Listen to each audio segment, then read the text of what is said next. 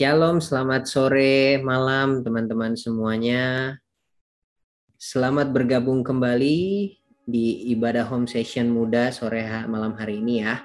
Buat teman-teman yang baru bergabung. Uh, wait. Oke, okay. sebelumnya terima kasih Vibe, terima kasih Kameko, terima kasih Oyo sudah memimpin kita semua di dalam penyembahan. Ya. Thank you semuanya udah bergabung sore malam hari ini. Oke. Okay. Uh, eh, sebelumnya aku pengen kita mulai dalam doa ya. Supaya kita semua boleh terima apa yang Roh Kudus mau bicarakan sama setiap kita termasuk buat aku juga buat supaya apa yang aku sampaikan semuanya asalnya cuma dari dia.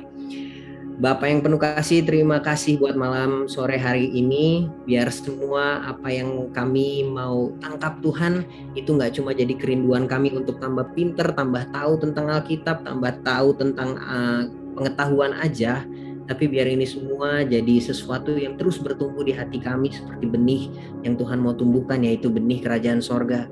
Tuhan Roh Kudus kami minta biar uh, Engkau yang bekerja penuh atas setiap kami sore malam hari ini biar setiap kami punya hati yang mau diajar, yang mau dibentuk semakin serupa dengan Engkau. Terima kasih Tuhan Yesus, we love you so much. Amin. Oke, selamat sore teman-teman. Sebelum kita masuk ke tema sore malam hari ini yaitu selaras. Aku mau sedikit refresh dari minggu pertama ya. Uh, Kak Devi bahas satu tema yaitu deeper dan aku mau angkat uh, satu statement yang Kak Devi buat yaitu dia bilang begini, kamu tidak akan mendapatkan apa yang ada di dalam Tuhan kalau kamu tidak membiarkan Tuhan mendapatkan apa yang ada di dalam kamu. Ini statement yang powerful banget ya. Gimana kita nggak cuma sekedar apa ya? Kita kan sering banget punya sikap hati yang pengen Tuhan, I want more of you gitu. Tapi kita suka lupa untuk bilang Tuhan, ini semuanya aku. Tuhan boleh dapat segalanya yang ada di dalam aku ini satu uh, apa ya statement yang buat aku mengingatkan aku secara pribadi dan harusnya ini jadi satu reminder juga buat kita untuk mau datang sama Tuhan itu seutuh-utuhnya supaya Tuhan juga bisa kasih kita semuanya juga seutuh-utuhnya. Dan di minggu kedua kita belajar tentang dekat dan taat. Satu statementnya Kariko yang serupa tapi bukan dibilang nggak sama juga ya senada lah. Uh, Kariko bilang begini, Tuhan sudah terima kita apa adanya. Benar ya teman-teman? Kita kan seneng banget sama penerimaannya Tuhan, kasihnya Tuhan ya kita boleh datang sama Tuhan apa adanya tanpa ada yang harus ditutupi. Tapi kita juga harus terima Tuhan seutuhnya. Jadi kita nggak bisa cuma sekedar datang apa adanya, terus kita pengen tetap apa adanya gitu. Uh, kemarin malam di Midnight Brother juga kita sempat bahas tentang yang namanya pertobatan itu nggak cuma sekedar kita datang dan menyesal sama Tuhan atas semua perbuatan kita, tapi metanoia itu berbicara tentang mengubah cara berpikir kita yang adalah kita mau pakai cara berpikirnya Tuhan gitu. Jadi kita juga perlu sebelumnya untuk terima Tuhan secara seutuhnya. Jangan cuma mau terima yang enaknya doang, yang sesuai sama yang kita pengen. Tapi kita perlu terima Tuhan seutuh-utuhnya. Kebenarannya Tuhan mungkin rasanya kadang pahit sama waktu kita baca firman Tuhan atau Tuhan kasih singkap sesuatu yang buat kita nggak enak rasanya. Tapi eh, teman-teman kayak satu masakan yang punya banyak bumbu rahasia itu juga kebenaran firman Tuhan kalau kita cuma ambil satu satu satu satu nggak seenak waktu firman Tuhan seutuh-utuhnya kita makan. Kayak makan ayam KFC aja deh teman-teman. Kalau makan misalnya ladanya doang digadoin kan rasanya nggak kayak ayam KFC kan? Tapi e, ketika 11 bumbu rahasia itu disatukan jadilah satu ayam KFC yang enak banget rasanya bener ya? Amin teman-teman ya? Oke itu kenapa malam hari ini sore ini kita mau bahas tentang satu tema yang namanya selaras Nah, kenapa aku kasih dua garis di bawah kata selaras? Karena untuk kita bisa selaras, sorry, keselarasan itu tercipta dari dua hal yang uh, saling bersepakat. Ada agreement dari dua hal, bukan cuma satu. Kalau garisnya cuma satu, kita nggak nggak selaras dengan apa pun gitu. Itu juga yang kita mau bahas sore malam hari ini, di mana kita mau punya satu uh, kesepakatan, uh, keselarasan dengan Tuhan gitu kita nggak mau cuma berjalan mau maunya kita tapi kita mau berjalan benar-benar uh, selaras seirama berdetak sesuai dengan detaknya Tuhan. Itu kurang lebih yang kita pengen bahas sore malam hari ini ya teman-teman. Oke kita mau masuk aku akan mulai dengan satu statement yaitu ini. The main goal is relationship and the method is partnership Ini adalah satu statement yang waktu itu disampaikan oleh Dan McCallum. Dan McCallum ini by the way salah satu mentornya Karadit juga almarhum waktu di Singapura waktu dia ambil Supernatural School Ministry ya. Dia ambil itu Dan McCallum ini salah satu mentornya dia dan dia bahas tentang God's vibration dan ini keren banget. Nah aku sendiri dengar statement ini waktu itu aku sempat ambil prophetic school di Singapura itu cuma tiga hari sekolahnya. Nah waktu itu dia bahas kenapa kita bernubuat karena ini kita uh, apa ya salah satu jalan yang menunjukkan kepada dunia kepada orang-orang di sekitar kita bahwa kita ini punya hubungan sama Tuhan dan kita mau bagikan dengan mereka di dalam partnership sama Tuhan. Jadi bernubuat itu bukan kita yang buat-buat ya. Apa yang kita dengar dari Tuhan dan kita sampaikan, apa yang kita rasakan Tuhan singkapkan sama kita, kita sampaikan. Itu namanya partnership. Jadi kalau kita bernubuat tanpa Tuhan, itu bukanlah satu nubuatan, yaitu buat-buatan aja sih mungkin ya. Nah, itu kenapa malam hari ini kita mau belajar untuk bisa tangkap hatinya Tuhan supaya di dalam perjalanan kita bermitra sama Tuhan kita nggak cuma mm, apa yang ngelakuin yang kita pengen atau kita kita sering nggak sih teman-teman kalau disuruh doain orang kita jadi kayak merangkai sesuatu supaya kesannya terdengar enak gitu di kuping orang. Kita takut menyampaikan sesuatu yang mungkin kedengarannya agak agak riskan nih kalau orang ini dengar. Ya nggak sih? Jadi kita kita cenderung untuk kayak oke, okay, pokoknya ini supaya dia nyaman aja dengarnya. Bukannya aku bilang kita terus kalau doain orang semau-maunya kita ya enggak. Tapi itu kenapa butuhnya kita bermitra sama Roh Kudus supaya apa yang dia mau sampaikan benar-benar tersampaikan sesuai dengan kehendaknya Tuhan, bukan kehendaknya kita. Gitu kurang lebih ya. Oke, selaras. Apa bedanya dengan kita taat dan intim dengan Tuhan? Gak ada bedanya. Semuanya itu jadi satu. Tapi itu tidak bisa dipisahkan kayak oh ya udah gue selaras, gue nggak gue mau taat aja, gue mau dekat aja enggak. Kalau kita intim dengan Tuhan seperti tema yang kita bahas di bulan ini, pasti kita mau ada sedalam itu sama Tuhan. Kita mau sedekat itu sama Tuhan dan kita mau taat sama apa yang Tuhan bilang. Tapi nggak sekedar taat, kita pengen hati kita berjalan selaras dengan Tuhan itu kenapa uh, selaras kalau aku pribadi mungkin gambarinnya gini. Kita nggak hanya hidup bagi dia, tapi kita hidup satu di dalam dia. Teman-teman bisa tangkap ya, kita nggak cuma melakukan buat Tuhan, tapi kita bahkan melakukannya di dalam Tuhan gitu. Jadi bukan lagi kita yang ngelakuin, tapi kita bareng sama Tuhan. Yohanes 6 ayat 56 bilang, barang siapa makan dagingku dan minum darahku, ia tinggal di dalam aku dan aku di dalam dia. Yohanes 15 ayat 9, berkata, "Seperti Bapa telah mengasihi aku, demikianlah juga aku telah mengasihi kamu." Kalimat berikutnya dikatakan, "Tinggallah di dalam kasihku itu." Sekali lagi aku tekankan, keselarasan ini itu sikap aktif kita meresponi Tuhan dengan membawa seluruh hidup kita dan hati kita untuk satu di dalam Tuhan kehidupan yang lahir dari kehidupan yang berada di dalam kasih Tuhan gitu. Jadi kita bukan bukan lagi pengen nyocok-nyocokin doang, tapi karena kita berjalan setiap harinya intim, kita berjalan dekat dan kita setiap kali Tuhan minta untuk kita lakukan, dia mau kita taat supaya kita semakin lama semakin seirama sama Dia. Nah sebelum kita lanjut, aku mau tunjukin ada satu video menarik banget video ini uh, buat aku secara pribadi. Sebentar. Oke, ini video yang sangat memberkati aku ya teman-teman. Kita mau lihat.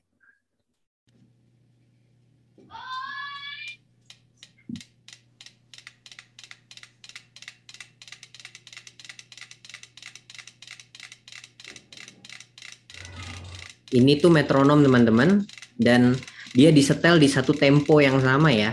Misalnya semuanya di tempo 80 gitu. Semuanya di tempo yang sama terus di, di dimainin di di saat yang berbeda. Nah, secara logika dengan tempo yang sama mereka tidak mungkin akan berdetak secara bersamaan gitu. Mereka nggak akan bergerak secara bersamaan. Karena kan diputernya di waktu yang berbeda ya, meskipun dengan tempo yang sama gitu. Tapi lihat yang terjadi teman-teman seiring dengan mereka terus berjalan bareng-bareng terus. Ini keren sekali sih buat aku. Ini waktu aku nonton ini aku uh, sampai apa ya buat aku ini bergetar banget di hati aku gitu. Kayak ngelihat metronom sampai nangis enggak lah, lebay Cuma waktu itu beneran waktu lihat video ini aku ngerasa ini yang kayak ini yang Tuhan lagi lakuin sama kita loh setiap harinya. Kita tuh sering banget kan jalan meskipun kita dengar dari Tuhan tapi nggak sesuai sama apa yang Tuhan rindukan gitu. kita kita berjalan masih pakai caranya kita, kepengenannya kita, meskipun kita bilang kita berjalan di dalam Tuhan gitu. Tapi at one moment Tuhan nggak putus asa untuk jalan sama kita sampai kita bisa berdetak selaras sama Tuhan. Nah itu yang aku pengen uh, banyak bicarakan sore malam hari ini teman-teman yaitu gimana kita selaras sama Tuhan, nggak cuma sekedar melakukan taat sama Tuhan, tapi punya hati yang bergerak berdetak seiringan sama Tuhan. Sekali lagi, selaras itu sikap aktif. Jadi kita perlu untuk meresponi gitu. Ada proses yang harus dijalankan sampai kita punya getaran sama atau selaras sama Tuhan gitu. Nah, akhirnya kita bisa mengikuti di dalam perjalanan kehidupan kita, kita jadi punya hati yang berdetaknya sama sama Tuhan. Ada tiga hal yang mau aku bahas hari ini. Yang pertama pengenalan, kedua pengejaran, dan yang ketiga yang namanya penyerahan. So aku akan start dengan pengenalan. Ada kita mau baca ayat ini ya. Hosea 4 ayat 6a. Dituliskan begini, firman Tuhan katakan, umatku binasa karena tidak mengenal Allah. Umatku binasa karena tidak mengenal jadi bukan karena nggak baca Alkitab, bukan karena nggak nyembah, bukan karena nggak bernubuat, bukan karena nggak doain orang, bukan karena nggak pergi ke gereja, bukan karena nggak ikut komsel, tapi karena tidak mengenal Allah. Efesus 1 ayat 17 Paulus waktu itu berdoa di sana dan dia katakan begini dan meminta kepada Allah Tuhan kita Yesus Kristus yaitu Bapa yang mulia itu supaya ia memberikan roh hikmat dan wahyu untuk mengenal dia dengan benar. Jadi sekali lagi teman-teman pengenalan ini krusial banget. Teman-teman pernah nggak sih dengar uh, statement ini? Mungkin pernah dengar khotbah semacam ini. Penyembahan itu bukan cuma sekedar nyanyi, tapi keseluruhan hidup kita teman-teman bisa aminkan statement itu kalau penyembahan itu bukan cuma sekedar gimana kita nyanyi, kita angkat tangan atau kita ngebungkuk, tapi penyembahan adalah bagaimana keseluruhan hidup kita berbicara tentang Tuhan. Nah, sekarang yang jadi pertanyaan adalah begini. Bagaimana kita mau mempresentasikan kehidupan Tuhan, sorry, kita gimana caranya mempresentasikan Tuhan lewat hidup kita kalau kita tidak mulai dengan mengenal dia yang kita mau presentasikan gitu, mau kita representasikan gimana caranya kita mau membawa kabar tentang pribadi yang kita nggak kenal? Itu kenapa buat aku pribadi waktu lagi bahas tentang keselarasan ini semua dimulai dari pengenalan kita akan Tuhan. Nah,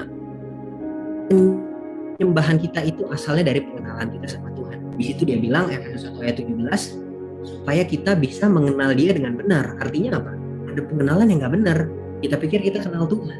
Ternyata kita nggak cukup kenal sama dia kita cuma tahu tentang Tuhan. Ini yang buat aku proses umur hidup. Pengenalan kita sama Tuhan itu proses umur hidup.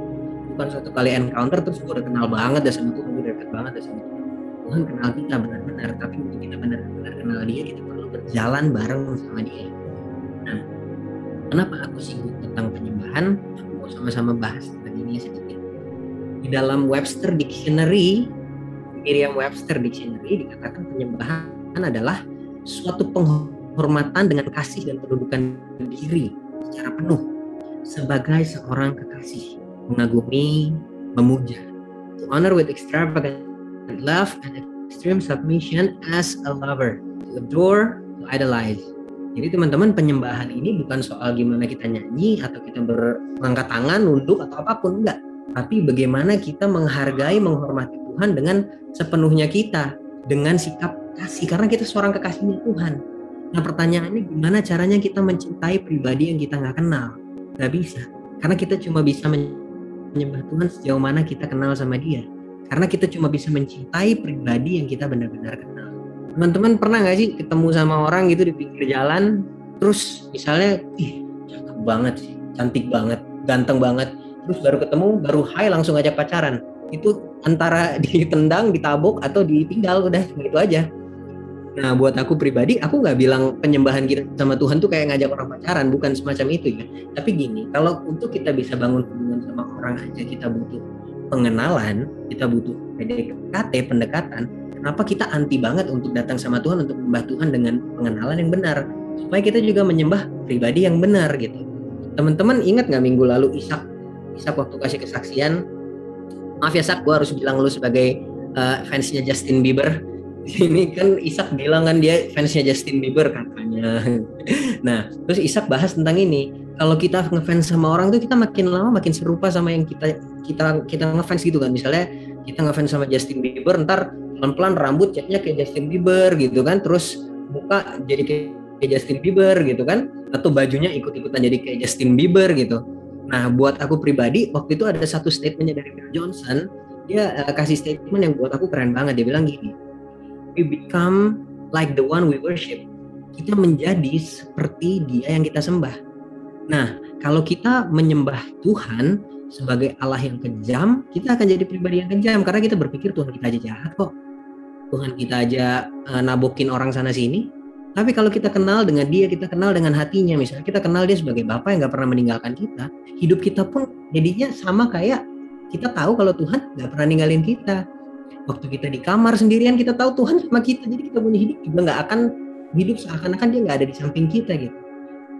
Gitu. Dulu Kak Radit pernah bilang gini ibarat kata kalau pacaran gitu lu pacaran lu nggak akan berani aneh-aneh kan?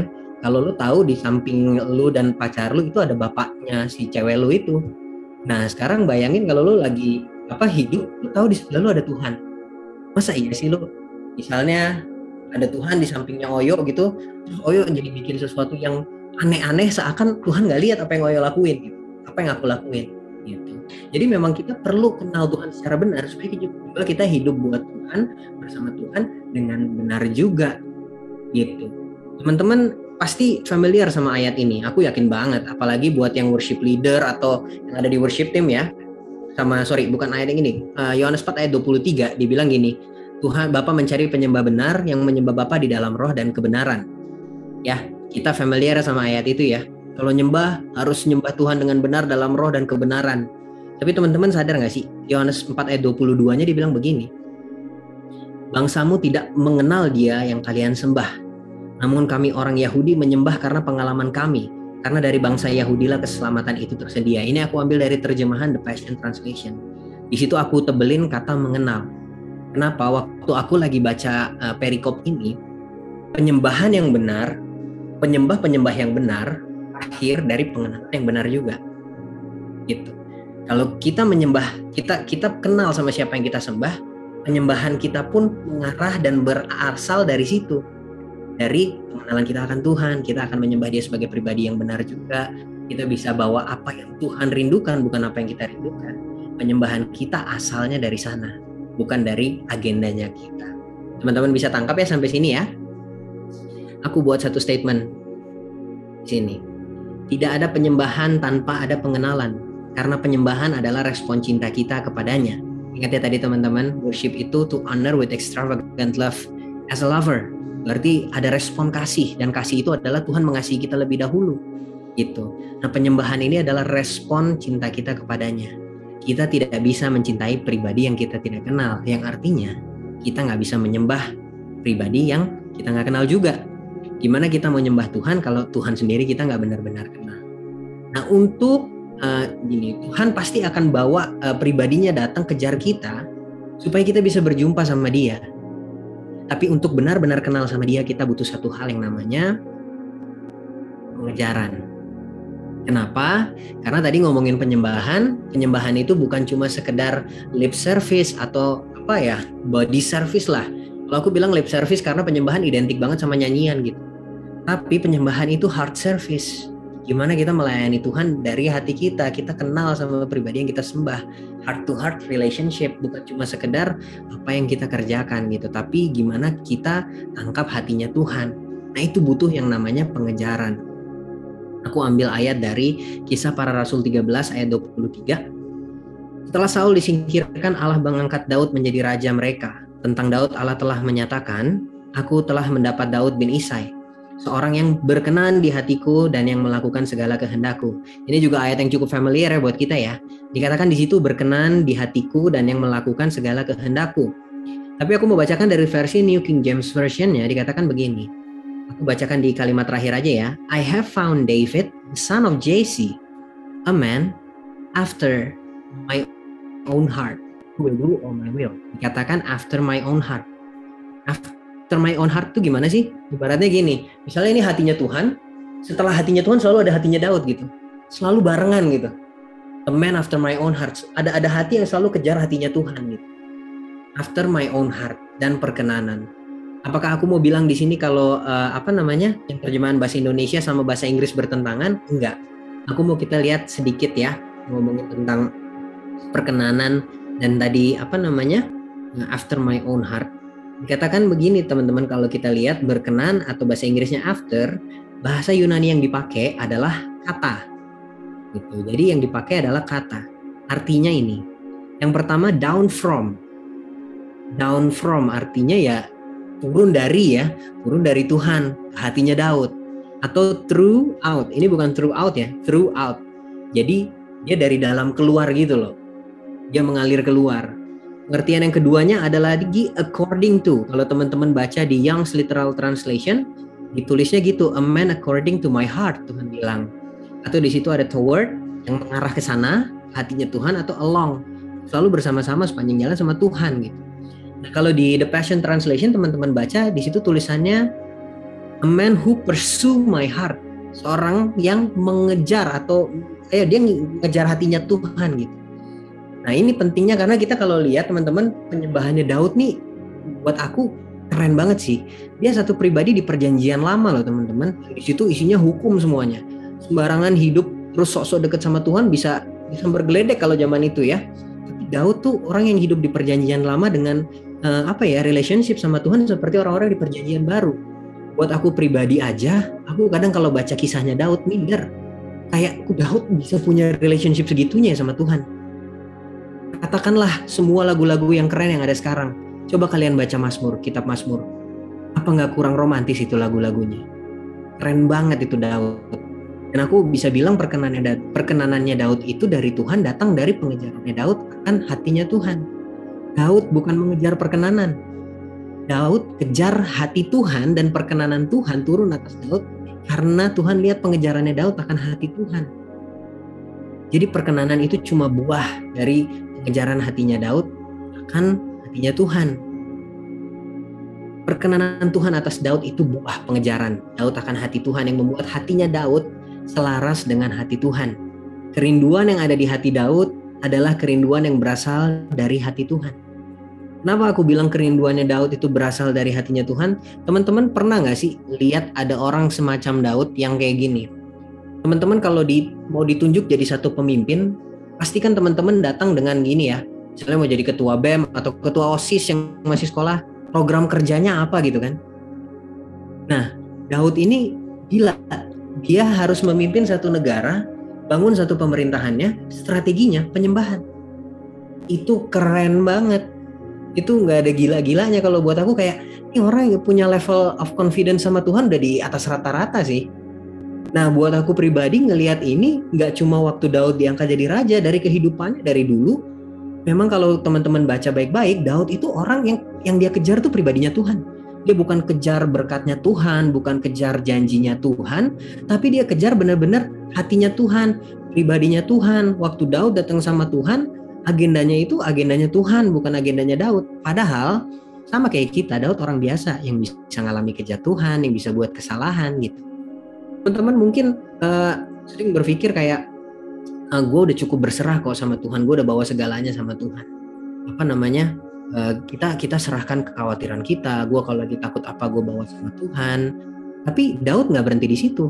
Waktu dia punya kerajaan dia serahkan juga kerajaannya sama Tuhan. Teman-teman ingat kan ceritanya waktu Daud jatuh sama Sheba dia jatuh dia ketahuan akhirnya sama Nabi Nathan karena Tuhan bilang sama Nabi Nathan. Dan aku suka banget Mazmur 51 tuh ada tulisan begini dia bilang gini. Uh, Daud bilang gini jangan uh, jangan jauhkan rohmu daripadaku Daud rela buat setiap konsekuensi yang harus dia alami. Dia kehilangan anaknya, dia masih tetap berharap sama Tuhan supaya Tuhan mengampuni itu supaya anaknya nggak dihukum. Tapi dia tidak menyesali perbuatannya Tuhan atas anaknya. Dia rela kehilangan segalanya kecuali hadirat Tuhan. Nah buat kita di sini, kita bisa jadikan ini satu refleksi. Buat aku pribadi, sering kali waktu aku jatuh dalam dosa, aku lebih takut kehilangan privilege yang Tuhan kasih kok Aku kadang bilang sama Tuhan, aku bertobat Tuhan. Tapi dalam hati ada ketakutan kehilangan posisi pelayanan, takut kehilangan kerjaan, takut kehilangan teman, takut kehilangan apa. Tapi aku seakan jadi nggak takut kehilangan hadirat Tuhan. Nah Daud ngajarin satu hal yang beda banget. Dia nggak takut kehilangan apa pun. kecuali hatinya Tuhan. Mazmur 23 dia bilang gini, The Lord is my shepherd and I shall not want. Aku nggak pengen apa-apa lagi. Empat pasal setelahnya, Mazmur 27 ayat yang keempat dia bilang begini, satu hal yang kurindukan, berdiam di hadirat Tuhan selamanya. Dari segala yang bisa dia punya, dia nggak mau apa pun selain Tuhan punya hadirat, ada di baitnya Tuhan. Jadi Daud bisa bilang gue nggak butuh apa-apa selain Tuhan kita kadang suka kebalik ya. Aku butuh Tuhan supaya Tuhan berkatin aku. Supaya Tuhan kasih aku gaji tambah. Supaya Tuhan kasih aku kelegaan. Supaya Tuhan kasih aku kesenangan. Padahal Tuhan panggil kita untuk nyenangin hatinya dia bukan hati kita. Gitu. Tapi waktu kita bersuka cita karena dia, Tuhan pun bersuka cita. Tuhan cuma mau supaya sukacita kita nggak ditaruh di tangannya dunia. Itu yang Kak Devi bagiin kan waktu di di apa minggu pertama waktu dia bahas tentang iceberg Nah Daud saking dia bisa dia begitu punya pengejaran akan hatinya Tuhan, dia kenal hati Tuhan yang dia sembah, dia punya penyerahan yang jauh di atas rata-rata buat aku ya. Aku ngeliatnya ini orang istimewa banget. Dia serahkan sama Tuhan, dia khawatir, dia serahkan sama Tuhan, dia marah-marah, dia serahkan sama Tuhan. Tapi waktu dia jadi raja pun dia serahkan tahtanya sama Tuhan.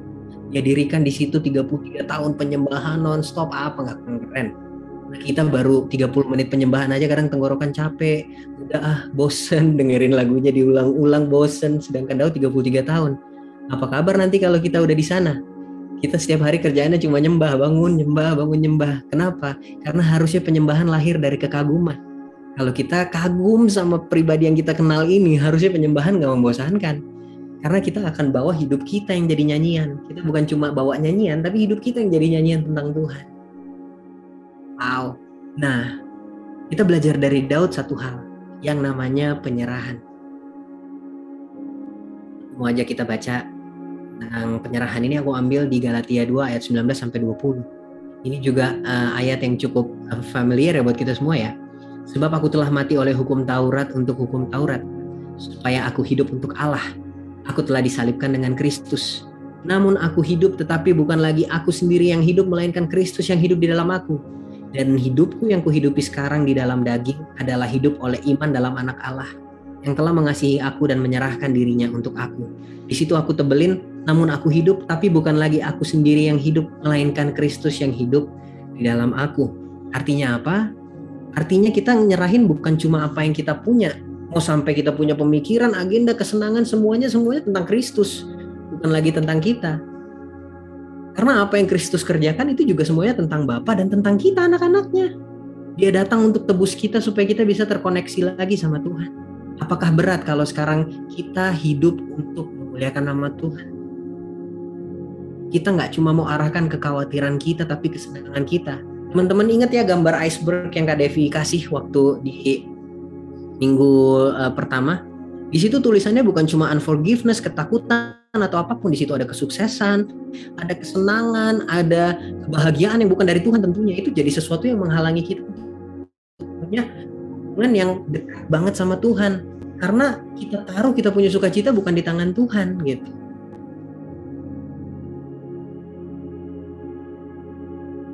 Bukan hanya hidup dengan kerinduan yang besar, namun hidup dengan kerinduan sebesar kerinduan Kristus. Ini penyerahan yang buat aku pribadi. Tuhan uh, bukakan ini lewat kebenaran-kebenaran firman Tuhan. Dibilang Kristus yang hidup di dalam kita harusnya udah bukan lagi kerinduan kita doang yang kita bawa. Kita bukan lagi hidup di dalam Tuhan dengan kerinduan yang besar berani mimpi besar enggak. Tapi kita punya kerinduan yang sebesar kerinduan Kristus pertanyaannya gini tadi punya kesenangan punya mimpi besar emang nggak boleh?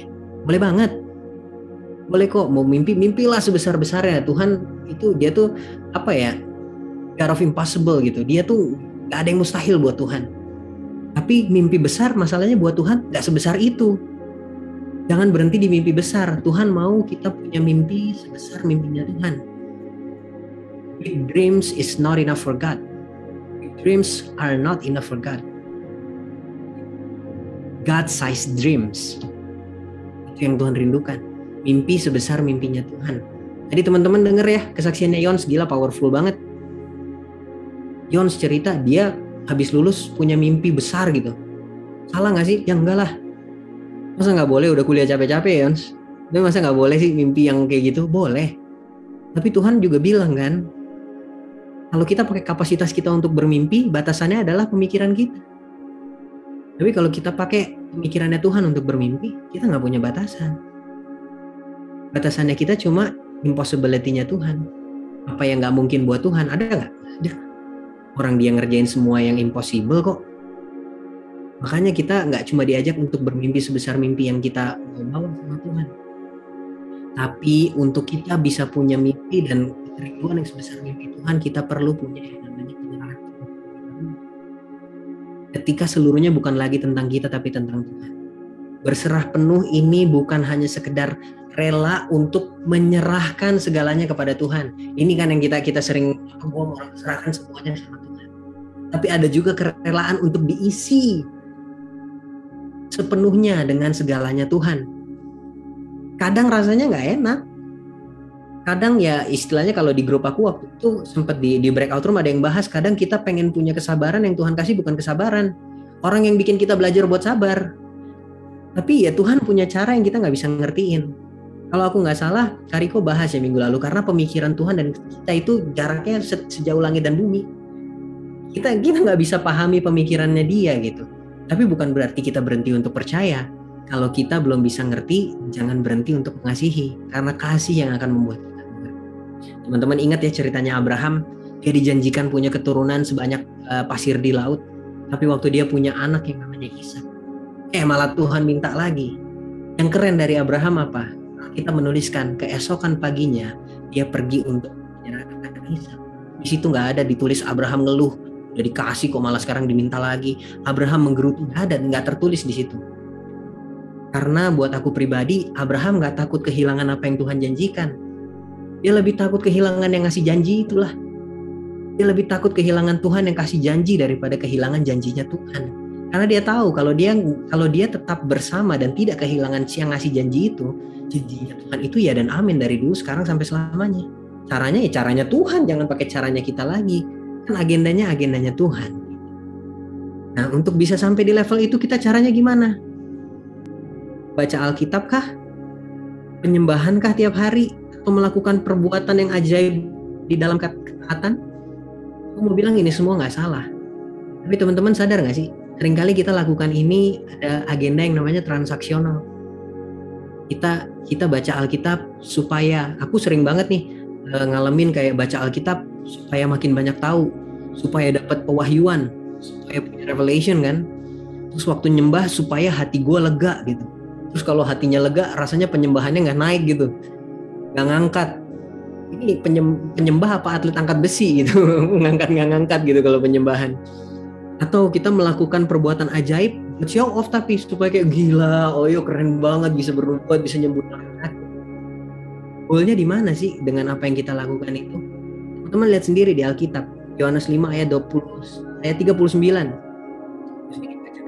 Ya, biar kita bisa sama-sama lihat. Yohanes 5 ayat 39 dia bilang begini, kamu menyelidiki kitab-kitab suci sebab kamu menyangka olehnya kamu mempunyai hidup yang kekal. Aku lanjutin ya. Tetapi walaupun kitab-kitab suci itu memberi kesaksian tentang aku, namun kamu tidak mau datang kepadaku untuk memperoleh hidup Meskipun Alkitab menyatakan tentang kebenaran-kebenaran Tuhan, tapi kita nggak mau datang untuk bicara hatinya Tuhan. Akhirnya sesuatu yang harusnya memberikan kita hidup yang kekal, cuma membuat kita jadi punya perdebatan yang kekal tentang mana yang benar, mana yang salah, doktrin yang benar, mana yang mana yang salah. Gitu. Karena kita tangkap Alkitab sebagai konsep, bukan sebagai pribadi. Padahal ini sesuatu yang harusnya mengubahkan hati, bukan cuma sekedar mengubahkan pikiran kita. Bahkan hati kita yang tadinya pengen ini itu jadi pengen Tuhan doang atau penyembahan teman-teman familiar nggak ya sama ayat ini Yesaya 29 ayat 13 dibilang gini dan Tuhan telah berfirman oleh karena bangsa ini datang mendekat dengan mulutnya dan memuliakan aku dengan bibirnya padahal hatinya menjauh daripadaku dan ibadahnya kepadaku hanya perintah manusia yang dihafalkan teman-teman tragis kita puji nama Tuhan tapi hati kita nggak ada sama Tuhan nggak arahnya nggak ke hatinya Tuhan itu kenapa tadi aku sampaikan bahwa Penyembahan ini bukan lip service, ini heart service. Bukan mulut kita doang yang mendekat sama Tuhan, asalnya dari hati yang mengejar hatinya Tuhan. Atau yang lebih naas lagi kalau teman-teman lihat melakukan perbuatan ajaib dalam ketaatan. apa pun yang uh, disampaikan kita lakukan semuanya. Salah nggak? Nggak kok. Tapi asalnya itu harus dari mana? Dari pengejaran kita akan hatinya Tuhan. Matius 7 ayat 22 sampai 23 itu Tuhan Yesus bilang gini, aku tidak mengenal kamu. Hai pembuat kejahatan. Apakah karena yang dia buat jahat? Enggak. Tapi arahnya dari mana? Kadang kita melakukan ini semua ada agendanya. Kita pengen kita tangkap Tuhan dapat apa yang kita mau. Kita pengen menggerakkan hati Tuhan supaya Tuhan bergerak selaras sama kita. No. Rutinitas kita, penyembahan kita, pelayanan kita nggak punya tujuan untuk menggerakkan hati Tuhan agar Tuhan mau menjawab doa dan keinginan di hati kita. Sebaliknya, semua yang kita lakukan bagi Dia dan bersama Dia itu yang akan mengubahkan hati kita semakin selaras dengan hatinya. Aku mau tutup dengan satu kisah yang mau aku bagikan. Teman-teman tahu ini siapa? Ya nggak ada tulisannya sih ini gambar kartun aja. Tapi di sini gambarannya adalah ini adalah Yunus. Teman-teman familiar ya sama kisahnya Yunus ya. Kalau ditanya tentang Yunus kita jawabannya apa? Dimakan ikan. Kasihan amat Yunus ya. Dia punya dia punya apa identitas adalah nabi yang dimakan ikan. Aduh. Nah, Yunus ini orang yang dekat banget sama Tuhan ya intim banget sama Tuhan. Kenapa aku bisa bilang gitu? Di perjanjian lama hanya orang-orang tertentu yang bisa dengar suaranya Tuhan. Cuma nabi-nabi Tuhan yang bisa dengar suaranya Tuhan. Dan Tuhan ngomong sama Yunus, Yunus pergi ke Niniwe, sampaikan kabarku buat Niniwe untuk bertobat gitu. Yunus nggak mau. Yunus cari cara untuk bisa kabur ke Tarsis. Dia naik kapal, dia pergi menjauh dari panggilannya Tuhan Padahal dia ini orang yang dekat loh sama Tuhan teman-teman. Dia bukan orang yang nggak tahu dari mana terus dia jadinya pergi dari Tuhan. Bukan orang yang nggak kenal Tuhan dia kenal. Tapi dia pilih naik kapal untuk pergi menjauh dari panggilan Tuhan. Tapi Tuhan nggak nyerah sama Yunus.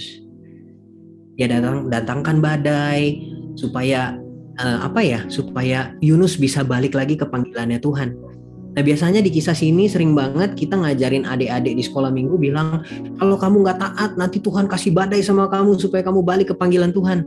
Kalau gua kalau aku lihat bukan di situ. Saking sayangnya Tuhan sama Yunus, dia di tengah laut nggak ada cara lain selain cara ini. Akhirnya Tuhan merelakan dirinya buat aku ya. Tuhan merelakan dirinya kita nih bisa pandang dia sebelah mata sebagai Tuhan yang baik loh. Kita jadi pandang dia sebagai Tuhan yang jahat. Tapi buat kita masuk ke dalam panggilannya Tuhan, kita bisa balik lagi sama Tuhan, Tuhan akan lakukan segala cara apa pun resikonya. Makanya dia rela turun, naik di atas kayu salib, mati di sana buat aku sama teman-teman. Gitu. Sampailah pada satu tempat di mana kita mengenali Yunus seperti biasanya. Nabi yang dimakan ikan, bukan nabi yang makan ikan. Kalau di Israel ada ikan namanya ikan Petrus, mungkin ini Yunus namanya Yunus ikan karena dia dimakan sama ikan gitu Nah Yunus dimakan sama ikan. Ini sekolah cerita sekolah minggu biasanya uh, apa namanya penekanannya ada di Yunus dimakan sama ikan sampai akhirnya Yunus uh, dimuntahkan lagi sama ikan uh, untuk uh, sampai di satu daratan gitu ya. Tuhan karena Tuhan masih sayang sama Yunus, makanya Yunus dibawa untuk terdampar di satu dataran situ ya. Di daratan itu. Oke, akhirnya Yunus kembali dapat dengar suaranya Tuhan dibilang Yunus, ini we Yunus gitu. Tuhan ingetin Yunus tentang Niniwe. Yang akhirnya Yunus oke, okay. Yunus tadi orang yang dekat dan dia sekarang oke okay sama Tuhan apa pun yang dia rasa dia bodoh amat deh pokoknya ya udah Tuhan Tuhan yang baik dan uh, kalau di kitab Yunus 3 Yunus 2 sebentar aku lihat itu dibilang Yunus uh, ada ada doa-doa sama puji-pujian Yunus gitu di situ. Yunus 2 doa ucapan syukur Yunus gitu. Karena kebaikannya Tuhan buat dia, dia masih dikasih kehidupan gitu. Akhirnya dia pergi ke Niniwe dia kabarkan tentang kabar sukacitanya Tuhan ke Niniwe yaitu untuk bertobat. Karena kalau enggak ntar lu dihancurin. Karena kalian sudah terlalu jauh meninggalkan Tuhan itu yang Yunus sampaikan ke Niniwe. Setelah itu akhirnya teman-teman tahu kan kisahnya? Semua orang di Niniwe, Niniwe bertobat. Keren banget gak sih? Tapi bukannya Yunus bersukacita dia malah marah sama Tuhan. Dia bilang gini Tuhan ini loh kenapa gue waktu itu pengen kabur ke Tarsis Soalnya aku tahu engkau Allah yang penuh belas kasihan. Kalau aku sampaikan ini ntar engkau ampuni mereka pasti. Nah Yunus punya agenda di hatinya. Dia lakukan kehendak Tuhan, dia taat sama Tuhan, tapi dia punya agenda. Dia maunya Niniwe ini hancur dibuat tunggang langgang sama Tuhan. Gitu loh. Jadi dia marah sama Tuhan. Apa yang terjadi berikutnya? Tuhan ngamuk sama Yunus.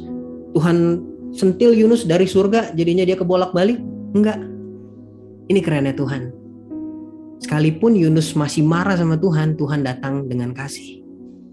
Alkitab katakan Tuhan menumbuhkan pohon jarak untuk meredakan kekesalan hatinya Yunus. Gila, sweet banget Tuhan Tuhan kita. Di momen kita marah, Tuhan bukan hukum, dia kasih kelegaan. Nah, karena nggak ada orang marah bisa diajak mikir. ya nggak sih? Kalau lagi marah orang mau ngomong apa juga salah pokoknya. Karena kalau kita marah kita nggak bisa mikir. Tuhan mau kita punya kelegaan dan Tuhan cara tegur Yunus bukan dengan dihukum, disikat, enggak. Tuhan kasih satu apa ya satu kejadian yang bisa dibawa untuk Yunus merefleksikannya.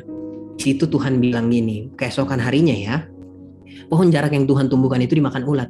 Yunus marah lagi sama Tuhan. Yunus marah sama Tuhan. Yunus bilang, uh, uh, Tuhan tanya, Yunus layak nggak sih engkau marah? Jawaban Yunus keren banget. Dia bilang gini, layak aku marah sampai aku mati. Wih, gila. Ini yang Tuhan siapa ya? Gitu pertanyaan saya ini. Ini yang yang Tuhan. Tapi balik lagi di situ Tuhan nggak tersinggung. Kenapa?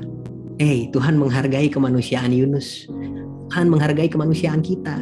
Sampai dia kasih kelegaan, dia nggak kasih hukuman yang seharusnya Yunus terima. Kita bulan lalu bahas juga ya tentang mercy and grace ya. Tuhan nggak jatuhkan hukuman yang harusnya gila manusia marah sama Tuhan. Kalau aku Tuhannya, buset itu ulat bukan makan pohon, makan Yunus. Tapi untung dia yang Tuhan bukan aku. Gitu dan di situ Tuhan ajak Yunus untuk tangkap hatinya Tuhan. Tuhan hargai kemanusiaannya Yunus. Nah, di sini kita harus belajar juga untuk menghargai ketuhanannya dia. Supaya kita bisa benar-benar merdeka, bisa benar-benar selaras dengan dia. Kita boleh kok nggak ngerti, nggak apa-apa. Tapi jangan stop. Dengar-dengaran sama Tuhan. Kita boleh juga marah, silakan. Tapi jangan dibiarkan, jangan cuma dibiarin aja, biar Tuhan yang bentuk kita. Gitu, kita nggak ngerti nggak apa-apa ya kayak minggu lalu Gariko bahas. Tapi jangan stop untuk mengasihi, dia tetap Tuhan kok. Kita perlu sadar diri bahwa kita ini hidup bergantung sama dia. Nah di situ Tuhan ceritakan sama Yunus. Yunus, itu pohon bukan kamu yang adakan, bukan kamu yang tumbuhkan. Waktu dia hilang kamu marah. Itu pohon semu loh. Cuma sesaat aja dia tumbuh, besoknya udah hilang. Kamu marah. Lah gimana sama Niniwe?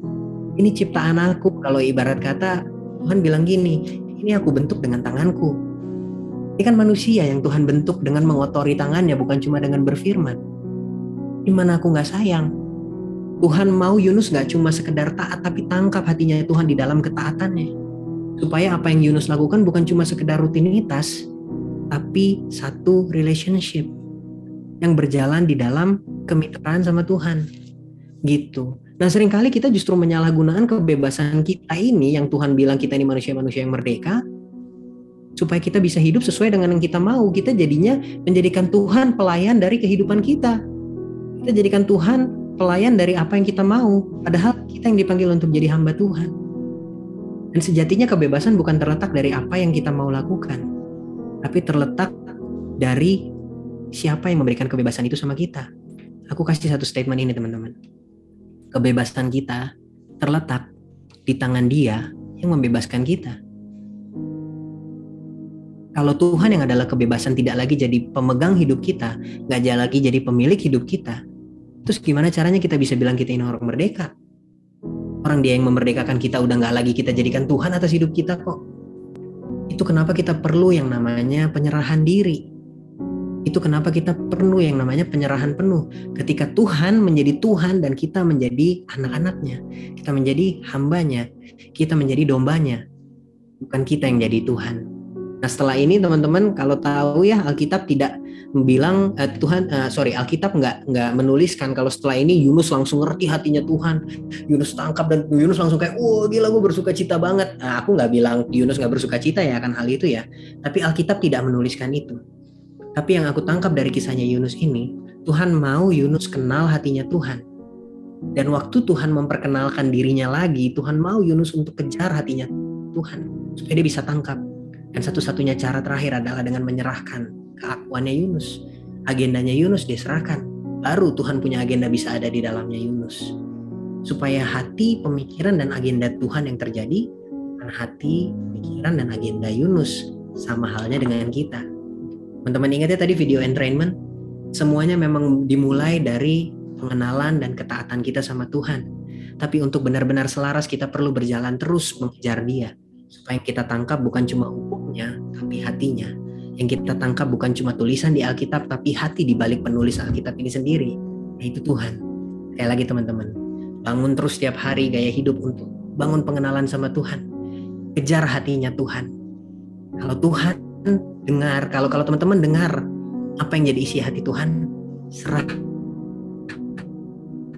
hati supaya Tuhan agak ganti dengan apa yang jadi keseluruhan isi hatinya Tuhan. Teman-teman aku boleh minta waktu mungkin 2 menit, 3 menit, teman-teman boleh tutup mata sebentar. Sambil tenang, renungkan pertanyaan ini teman-teman, sorry.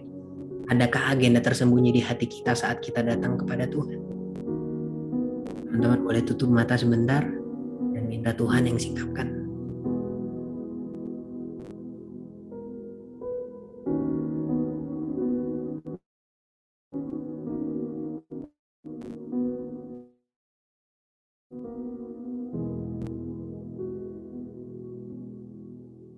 Kudus aku minta untuk engkau singkapkan di hati setiap kami. Apa sejatinya agenda yang kami bawa? Waktu kami berdoa, kami mencari hatimu atau kami cari berkatmu. Waktu kami datang berserah sama Tuhan, kami kejar janjimu atau kami kejar hatimu. Waktu kami datang untuk menyembah, supaya hati kami yang lega atau kami justru melayani hatinya Tuhan untuk menyenangkan dan mengagungkan nama Tuhan. Tuhan waktu aku berserah supaya aku bisa dapat apa yang aku mau atau supaya Tuhan bisa dapat apa pun segalanya tentang aku. Gak cuma kekhawatiran, tapi masa depan, kesenangan, kesuksesan, mimpi-mimpi, atau segala yang aku punya. Tuhan layak. Tuhan layak untuk terima pribadiku, hatiku, papa mamaku, kakak adekku, suami atau istriku, anak-anakku, segala harta bendaku. Engkau pemilik hidup disingkapkan.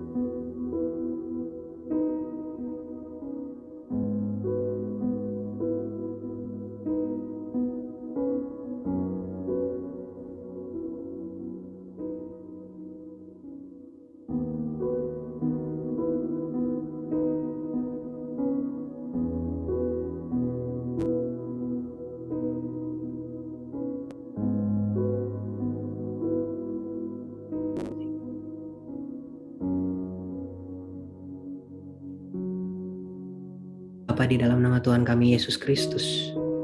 Mengucap syukur untuk sore malam hari ini. Buat setiap kebenaran yang kau taburkan di hati kami. Biar ini cuma jadi benih yang bertumbuh di dalam setiap kami. Supaya setiap harinya Tuhan kami dibentuk semakin serupa dengan Engkau. Biar hanya agendamu Tuhan yang jadi atas hidup kami. Bentuk kami supaya hati kami selaras dengan Engkau. Bukan supaya Engkau yang selaras dengan kami. Kami yang butuh untuk semakin makin serupa dengan Engkau. Ini kami Tuhan, aku sudah selesai. Aku percaya Roh Kudusmu akan selalu berbicara dan membentuk setiap kami. Buat setiap teman di tempat ini. Yesus jadikan kehendak, tangkan kerajaanmu atas setiap kami, kami, kota dan bangsa kami Tuhan.